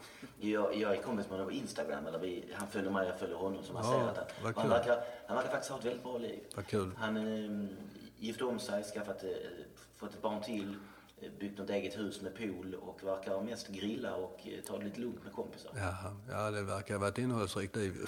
ja, och, och, och sen ägnar han sig åt cykling. Det är, ja. Han har kompisar cyklar långa sträckor på tävlingscyklar. Okay, han, ja, han verkar röra på sig fortfarande. Men mm. han verkar... Eh, Ja, men lite livsnjutare. Tar ja, jo, men det, det, den, det var han väl redan här, tyckte jag. Att han uh, var lite laidback och tog det lugnt. Men som sagt var en behaglig människa och bra att ha med att göra. Så att... Uh, vi önskar Afonso en, en lycklig framtid. Hur gammal är Afonso nu? Kan han vara? Detta är alltså 2004. Han var, kan ha varit 25. Då är han ju... Han är för, man för, drygt, för, drygt 40. Runt 40 var han var. Ja. Han slutade ju rätt så tidigt egentligen. Ja, alltså, han, han hade ju Holland där det gick jättebra. Mm. Och sen hade han i. Middlesbrough där han visserligen gjorde många mål själv ja. men där laget åkte ur och, ja. och, han fick mycket stryk för att han skulle vara ja. stjärnan. Liksom. Ja. Och, men, och, och sen det verkar som att han bestämde sig för att nu tar jag tre, fyra år i, i, arabvärlden och tjänar massor med pengar. Så det gjorde han ju och där gick det väl, det vet man inte hur det går när han fotbollen men han tjänade massor av pengar. Okej, okay, det är på det viset, ja. Så då har han, då har han pengar så han kan grilla dem. Ja, har sitt. Men jag tänkte, sista grejen så. Visst var det så att du kallar honom Afons? Ja, jag har alltid smäkt, hade alltid smeknamn på fotbollsspelare och det stämmer. Jag kallar honom för Afons. Varför vet jag inte men ja, det bara blev så. Och han verkar vara okej med det? Ja, han protesterar inte. Han tyckte det var kul. Jo då, smeknamn det ska de ha, killarna.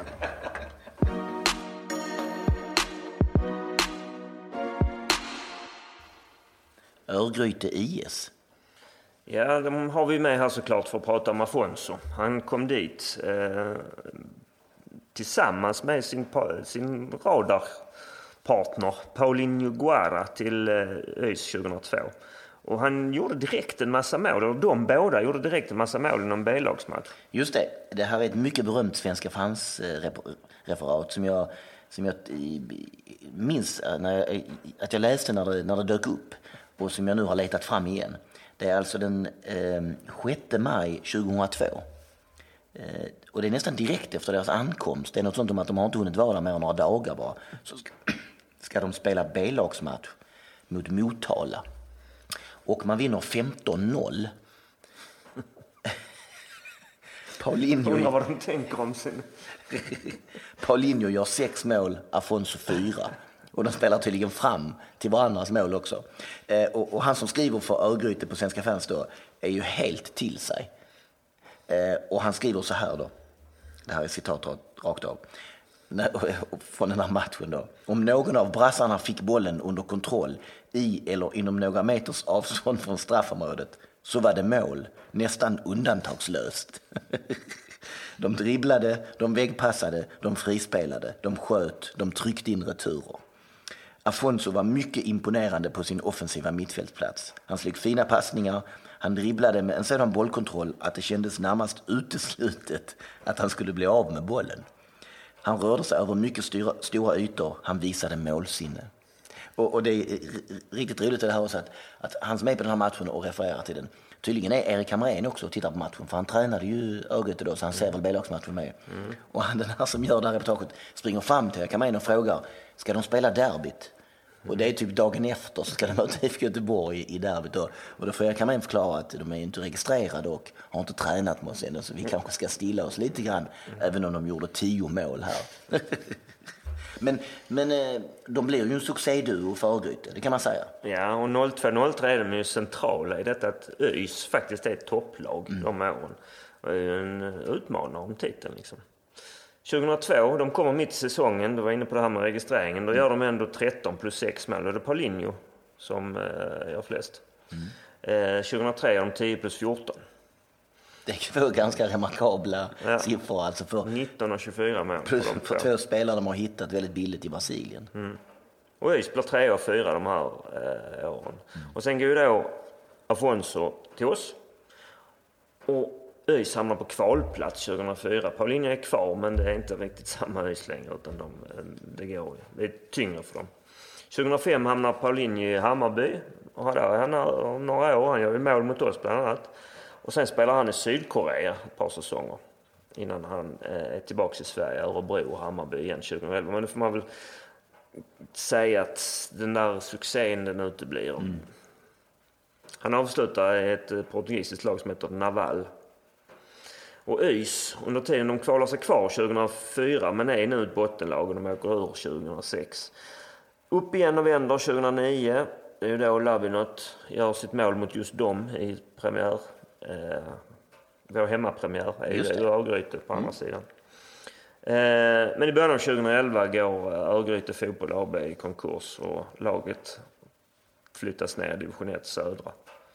Eh, de går upp och ner lite grann. Nu finns Örgryte IS i superettan sen i fjol och en mittenplacering väntar jag. Mm, lite oroande är det, det är några omgångar kvar men de är men inte helt säkra men det ser väl ut som att det är många lag bakom. Men, men det har varit en rörig säsong där man har eh, sparkat Marcus Lamp som är tränare och det har inte blivit någon riktig ordning. Men eh, vi kan i alla fall konstatera att eh, under året har vår gamle Johan Hammar varit kapten i laget. Det-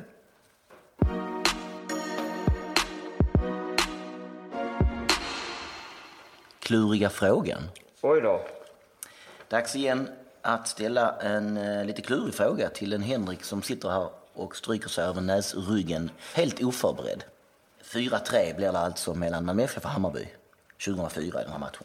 Ehm, Och i den här matchen så återfinner vi, förutom svenskarna som springer omkring där, eh, på plan, eh, två stycken norrmän. Ja, det är Joninge Höjland och Petter Furuset Olsen. Där är två stycken afrikaner. Vi har eh, Kam- från Kamerun, Josef Elanga. Från Sierra Leone, ett sånt namn igen som vi har pratat om förr, eh, Aluspa Brua. Om du kommer ihåg honom? Det gör jag inte. Sju matcher, ett mål för Hammarby. Ett mål också. En dansk, ja det är Mikkel Jensen, han pratade vi om tidigare. Och så en från Brasilien såklart då, Afonso Alves. Men, och här kommer frågan, här finns också en från Australien. Vem är det? Eh, ja, men det måste väl vara Ante Kovic?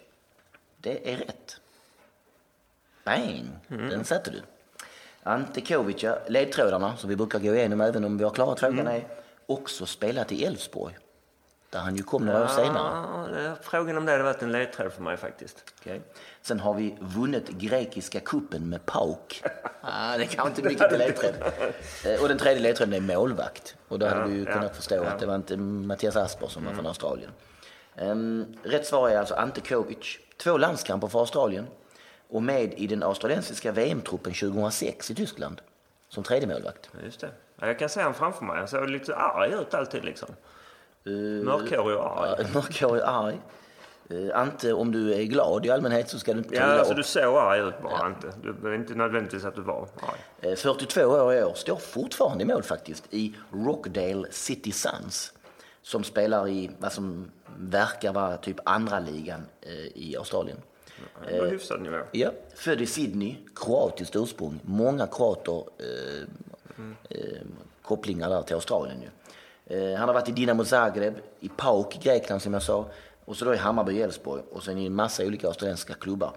Hans största merit, noterar jag, det här visste jag inte, är faktiskt att han var med eh, i det laget Western Sydney Wanderers som vann asiatiska Champions League 2014. De slog Al Hilal från Saudiarabien i finalen över två matcher. 0-0 eh, eh, och 1-0 då. Och han blev faktiskt utsedd till hela turneringens bästa spelare. Då är han alltså 39 år gammal. Japp. Och det här är ju en stor, tung eh, titel i he, hela Asien ju, där alla de bästa, ska vi säga, arabiska och lagen är med också. Eh, starkt. Och vi får ju helt enkelt eh, utan prut ge rätt för det här svaret. Ja, ja. Bra Henrik. Tack.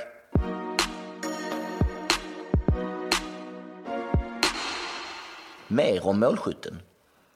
Ja, det här är det målet vi har valt av Afonso. Eh, som ju såklart måste vara med på den här listan. Men vi kunde ha valt något till. Vilket då? Ja, jag, jag kan säga att fa- fa- favoriter för mig är det här målet, eh, eh, 2-0 målet borta mot Örebro. När han utför en, en närmast obegriplig teknisk manöver. Han lurar någon med någon skarv och, och sen så rusar han över i princip hela banan. Och, och in, innan han lägger in 2-0. Jag, jag, jag kan säga att jag älskar det målet. I den här årskrönikan över 2004 så är det ett mål som jag gärna stannar och tar tillbaka en tio gånger innan det får lov att rulla vidare. Ehm, vad har vi mer då? Ja, vi har det där andra frisparksmålet mot Elfsborg borta 2004. Det som betyder 4-1 va? När han eh, efteråt kör sin berömda eh, Miss World-vinkning till, till publiken. Lite lätt avmätt som att det här gör jag i sömnen om det behövs. Ehm, Ja, det är väl hans första mål för oss, de där i den Elfsborgsmatchen va? Ja, det är för att, För för att liksom, premiären, de- premiären gör han inga. premiären borta är mot Hammarby 0-0 ja. Och sen hemmapremiären är det ju också 5-1 men där gör ju Igor två. Ehm, Höjland gör ett. Tobias Grahn gör rätt va? Ja, och vem gör?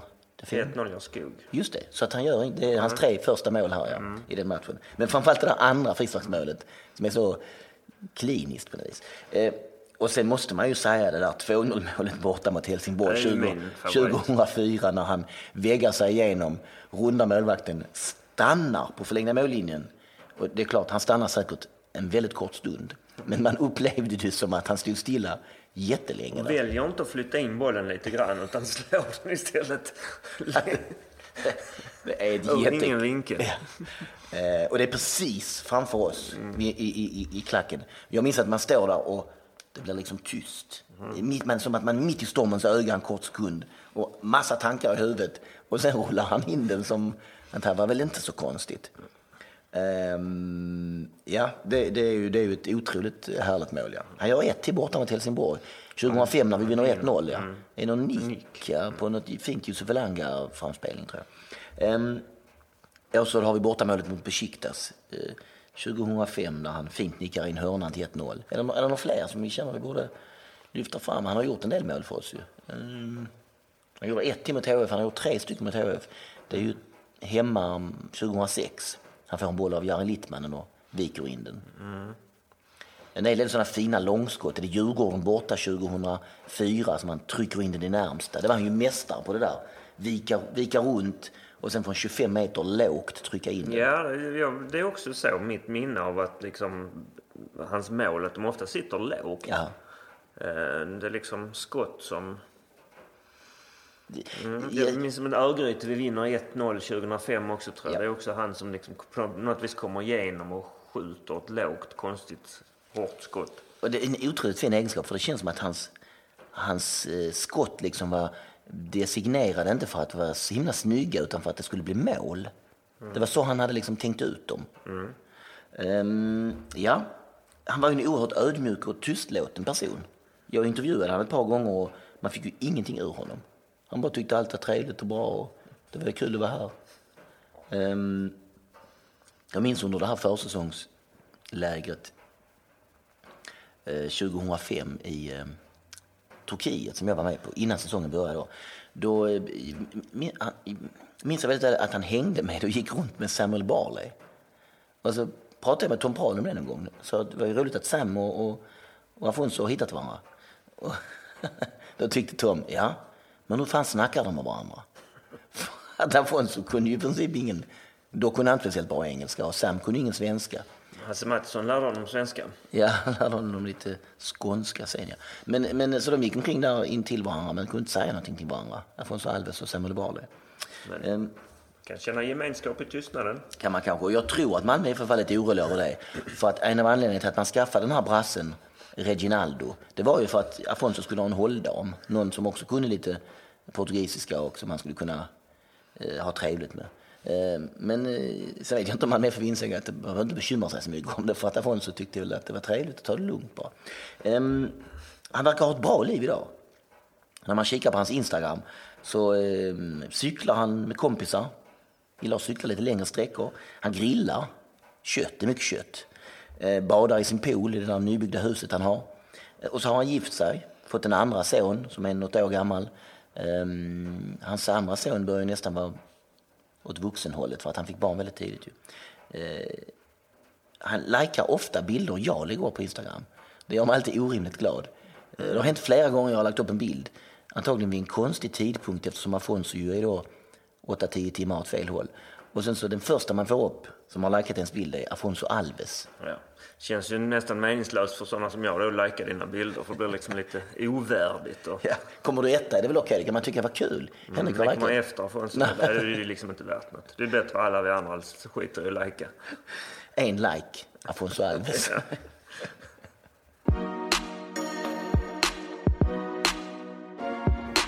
EM 2004. Det är ett EM-år det här. Det spelas i Portugal, EM 2004. Och här har vi ett riktigt, riktigt bra svenskt lag faktiskt. Och tre, eh, faktiskt får man ju säga, renodlade världsspelare. Zlatan, Henrik Larsson, Fredrik Ljungberg. Mm.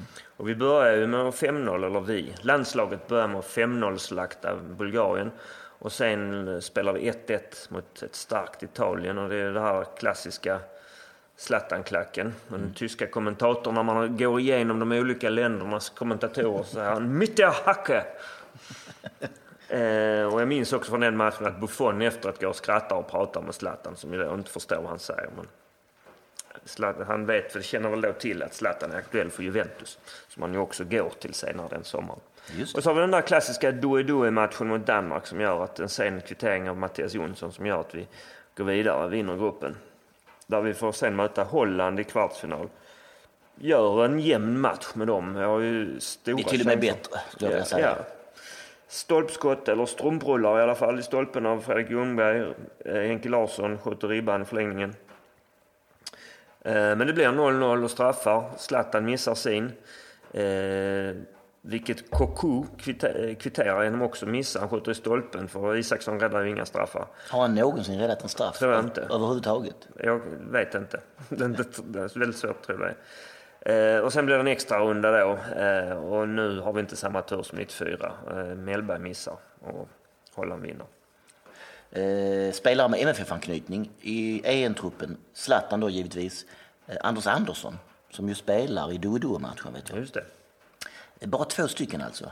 Ja, det är inte konstigt att det inte gick vägen här.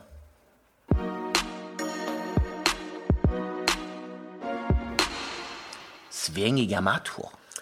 Ibland hör man tv-kommentatorer säga när det är en sån här extra spännande och jämn och målrik match att det här är en match i publikens smak.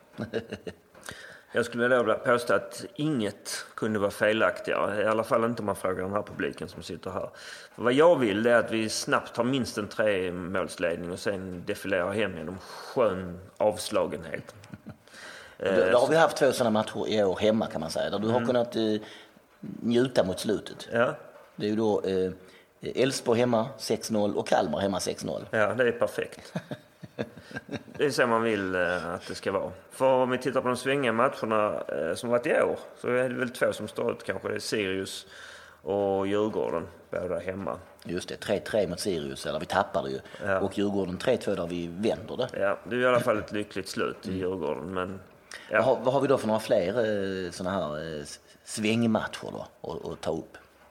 ja, 2001 Halmstad, det är en som påminner väldigt mycket om Sirius i år. Där vi leder både med 2-0 och 3-1. Men så gör de två mål sista tio. Ja, det, det, vi, vi, visst är det en straff i sista minuten typ? Ja, Tommy Jönsson. Åh, ja, exakt. Eh, och den är rättdömd också, så man kan inte riktigt då, man vet att han kommer att sätta den för att han är alldeles för stabil. Riktigt trist. Sen finns det ju naturligtvis svängighet som är, man minns med glädje.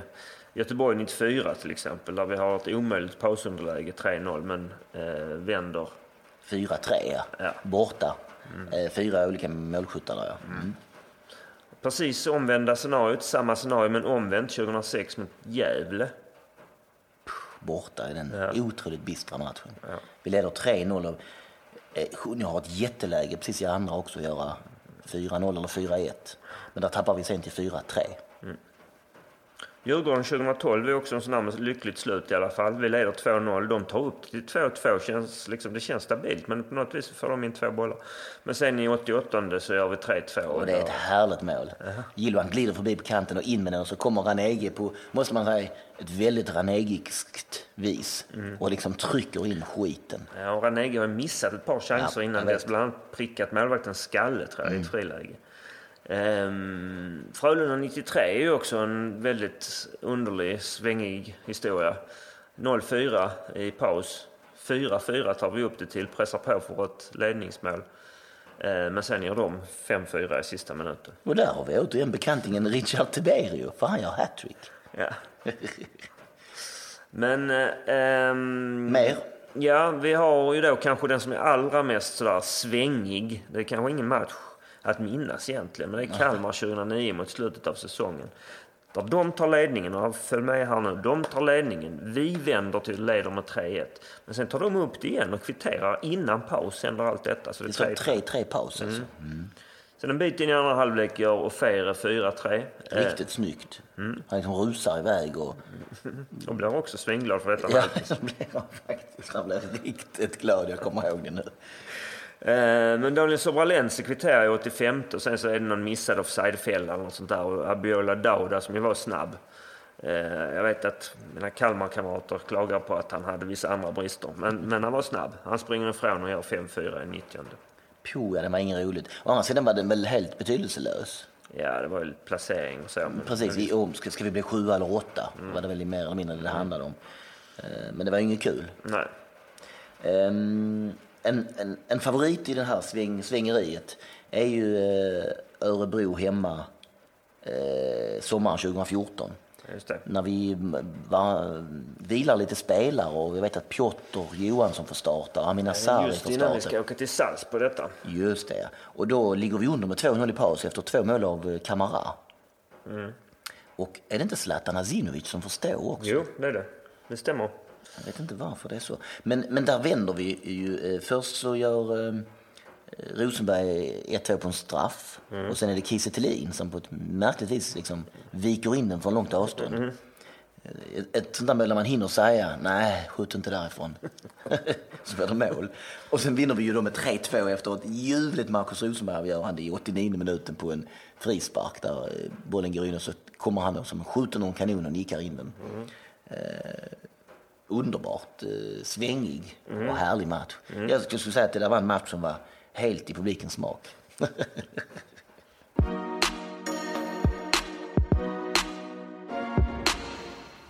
Motståndare. Björn Rundström.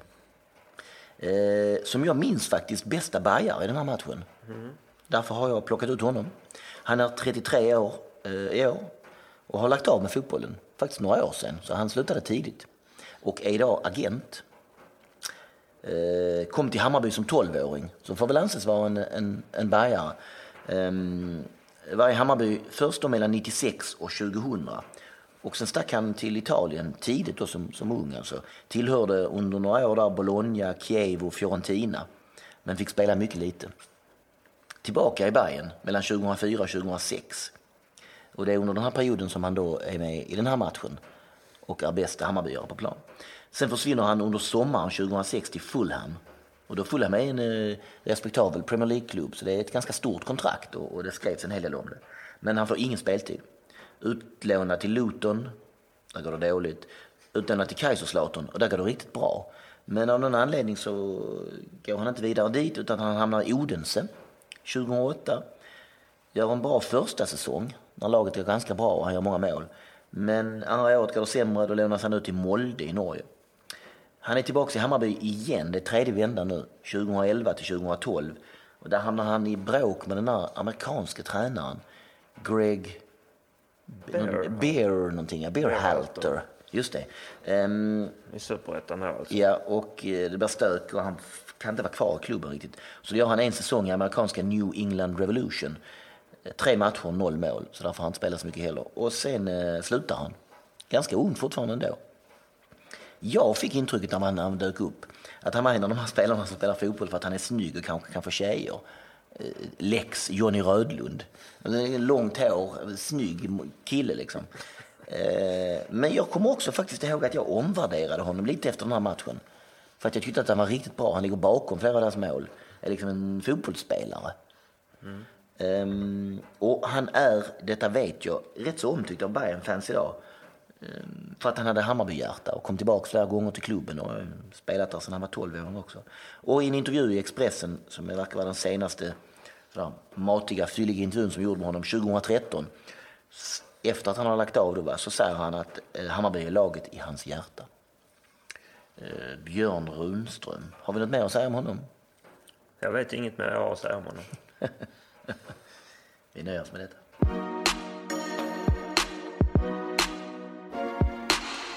Vi som gör den här samtalsserien heter Tony Ernst och Henrik Zackrisson. all musik och alla jinglar är gjorda av Gabriel Ernst. Podden är klippt av Martin Ringstrand.